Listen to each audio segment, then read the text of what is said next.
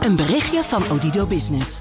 Hoe groot je bedrijf ook is of wordt, bij Odido Business zijn we er voor je. Met unlimited data en bellen en met supersnel en stabiel zakelijk internet.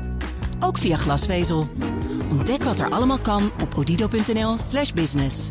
Het kan ook zo.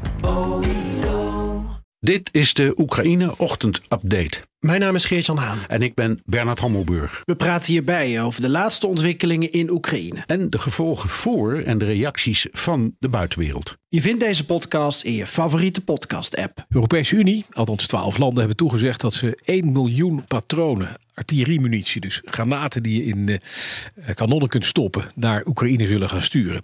En daar komt uh, voor 2 miljard euro uit de Europese vredesfaciliteit. Dat is Brusselse geldpotje voor defensie. En de resterende 2 miljard uh, die daar nog bij komt, betalen die landen zelf.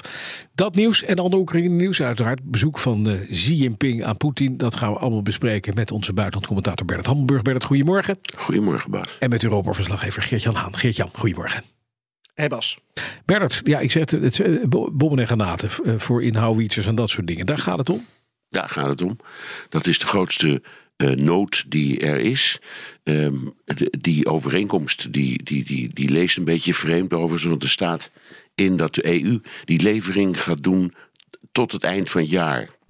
Um, dus ik, ik mag aannemen dat die uh, uh, granaten niet worden afgeleverd op 31 december, maar dat dat geleidelijk gebeurt.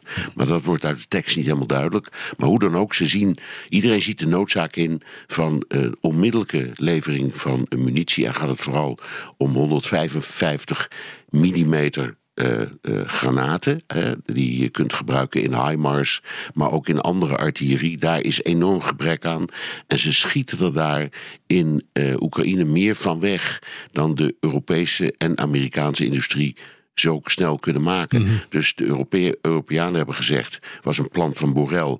Uh, we beginnen nu eerst met een levering uit onze eigen voorraden. Ja. En dan geven we onze eigen industrie een zwiepert. Ja. ja. zodat ze snel gaan bij uh, produceren. De Amerikanen hebben gisteravond ook uh, bekendgemaakt dat ze nog weer voor 350 miljoen dollar aan extra munitie gaan produceren. Dus dat wordt enorm aangezet en terecht. Ja, en moeten we ons hart niet vasthouden als we alles gaan leveren en we kunnen niet zo snel bijproduceren?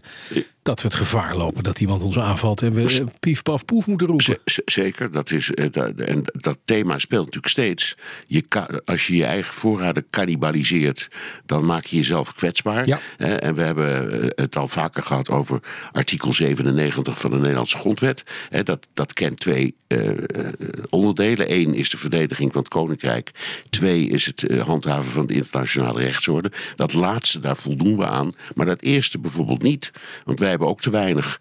En als je je Patriots aan, uitleent aan een bevriend land in nood, zoals wij gaan doen, ja, ja dan heb je ze zelf niet. Precies. Dus dat zijn inderdaad allemaal behoorlijk grote vraagstukken. Ja, nou komt de EU, Geert-Jan, met een gezamenlijk uh, verhaal. Hè? niet gewoon per lidstaat, maar vanuit gezamenlijkheid. Wat is de achterliggende doel? Is dat inderdaad gezamenlijke aanpak en spreiding van de pijn? Onder andere, maar ook het idee dat dit het meest effectief is. Uh, dat uh, komt overeen met hoe in coronatijd, dat voelt ons lang geleden. Maar volgens mij is het pas twee jaar geleden dat er werd nagedacht over het inkopen van, uh, van vaccins. Om dat gezamenlijk te doen. Dat was nog een fikse rel toen in de Europese Unie ook met mevrouw von der Leyen. Die volgens mij iets voor haar beurt sprak toen. Maar de premier van Estland, Kaja Kallas, net weer verkozen. Die heeft aangegeven, jongens als we dit nou ook gezamenlijk doen. Dan heeft het veel meer effect. We kunnen grotere orders bij de industrie um, uh, indienen. Uh, die kunnen dus dan uiteindelijk ook goedkoper draaien. Ja. Die kunnen sneller draaien. Uh, Ollongren gaf ook in een reactie aan dat ze hier wel brood in zag. dus, um, en dan ook nog het idee van laten we het als een soort Europese industrie optuigen. En niet nou weer aan externe bondgenoten uitbesteden. Dus net zoals Amerika wel eens goed verdient aan um, ja, militaire uh, uh, verkoop en export. Hè, denk aan bijvoorbeeld dat de Slovaakse en de Poolse vliegtuigen die gaan naar Oekraïne. Nou ja, dan krijgen de Slowaken weer van de Amerikanen nieuwe vliegtuigen. Dat is ook gewoon big business. Nou, Europa zegt nu win-win. we doen dit zelf, we doen dit snel. En misschien dat we onze industrie ook nog er er een plezier mee doen. ja, precies, we lol mee doen. Laten we even naar het eh, bezoek eh, gaan van eh Xi gisteren aan eh, zijn Russische collega Vladimir Poetin. Gisteren hebben ze vier uur gepraat. Eh, vandaag praten ze, morgen praten ze ook. Eh, wat valt er op te maken na die, na die vier uren eh, spreken, Bernard? Is daar iets over bekend geworden? Nou, jawel. ehm, een, een, een paar dingen. In de eerste plaats, naar mijn idee, dat ze in elk geval gisteren niet erg nadrukkelijk hebben gesproken over ehm, een mogelijke bemiddeling van eh, China in de oorlog. Eh, wel zijdelings, maar dat ging toch voornamelijk over allerlei andere dingen. Voornamelijk, denk ik, ehm, eh, Geert Jan wees me daar net nog op een geweldig stuk in de Financial Times daarover. Ehm, de, de versnelde levering van olie en gas vanuit Rusland naar China. eh, waarvoor een, eh, nieuwe pijpleiding wordt aangelegd. Zijn ze altijd mee bezig. Ehm, en eh, dat soort dingen. Dat is natuurlijk een, een, een ja, ik zal maar zeggen. Voor Rusland ook een- zakelijk is dat een enorm belangrijk ding.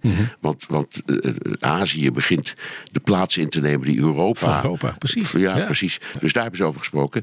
En wat dat, wat dat vredesplan betreft, het komt, het komt ter tafel hoor, daar gaat het helemaal niet om. Alleen, het is, het, ja, de, de kans dat daar nou iets uitkomt is heel klein. Het bestaat uit twaalf punten. Eh, de kop daarboven zou zijn wapenstilstand, staakt het vuren. Eh, maar daarvan zeggen bijvoorbeeld de Amerikanen, ja, dat moeten ze eigenlijk niet doen. Want dan zou de situatie worden bevroren in de status quo. En dan begint eh, Rusland, als er al besprekingen komen, met een enorme voorsprong. Want die hebben dus toch een stuk ingepikt van Oekraïne. Eh, eh, nog één dingetje, hè. iedereen vraagt zich nu af: gaat Xi bellen met eh, Zelensky? Zelensky. Want dat, dat was een gerucht dat steeds ging in de Amerikaanse media. We weten het simpelweg niet. Nee. Ik, ik heb geen idee of het echt gebeurt. Nee. Hoe, staat, hoe zou Geert-Jan daar, daar Zelensky tegenover staan? Die heeft eerder gezegd van nou kom eens bespreken. Hè, toen dat 12 puntenplan van Zie ook op tafel kwam. Eh, maar Zeker. als wij zo hoe, kijken welke kant het uitgaat. Dit was een bromance eh, die eh, verder versterkt is tussen Poetin en Xi. Waarbij ze het alleen maar hebben over dear friend, elkaars grote vriend. Als die punten op tafel komen, ja, dan zal er ook, een, of als het over een staakt het vuren gaan, inderdaad een status quo ontstaan. Ik neem aan dat Zelensky daarvan zegt van ja jongens, weet je, we praten pas, wat hij eerder ook gedaan heeft, op het moment dat de Russen weg zijn uit de Krim en Oekraïne en, en uit de Donbass. Ja, maar hij heeft natuurlijk, Zelensky heeft met zoveel wereldleiders al gesproken. Ja. eh, dat het natuurlijk helemaal niet gek is om eh, dat ook met de Chinese president te doen. Dus ehm, dat kan natuurlijk ook gaan over eh, toekomstige zaken doen in Oekraïne. dat China kan helpen met de wederopbouw. Hè? geld verdienen, daar hebben we het weer. Maar vergeet niet dat. ehm, het, het hele bijzondere eh, tijden zijn. Even een cliché erin gooien, Bas. De, de manier waarop Rusland en China nu met elkaar om tafel zitten. Rusland is nog nooit zo nietig geweest ten opzichte van China als Ja. tijdens deze bijeenkomst. Eh, Zelensky is een fantastische lobbyist en PR-machine, wat je er ook verder van vindt. Eh, de kracht van Zelensky is dat hij in gesprek met mensen. toch mensen op andere gedachten eventueel weet te brengen. Of in het geval van China en Xi, dat hij hoopt dat hij China zo lang mogelijk neutraal kan houden, afzijdig van deze oorlog. Hij heeft niet de illusie dat China ineens aan de kant van de Oekraïne komt te staan.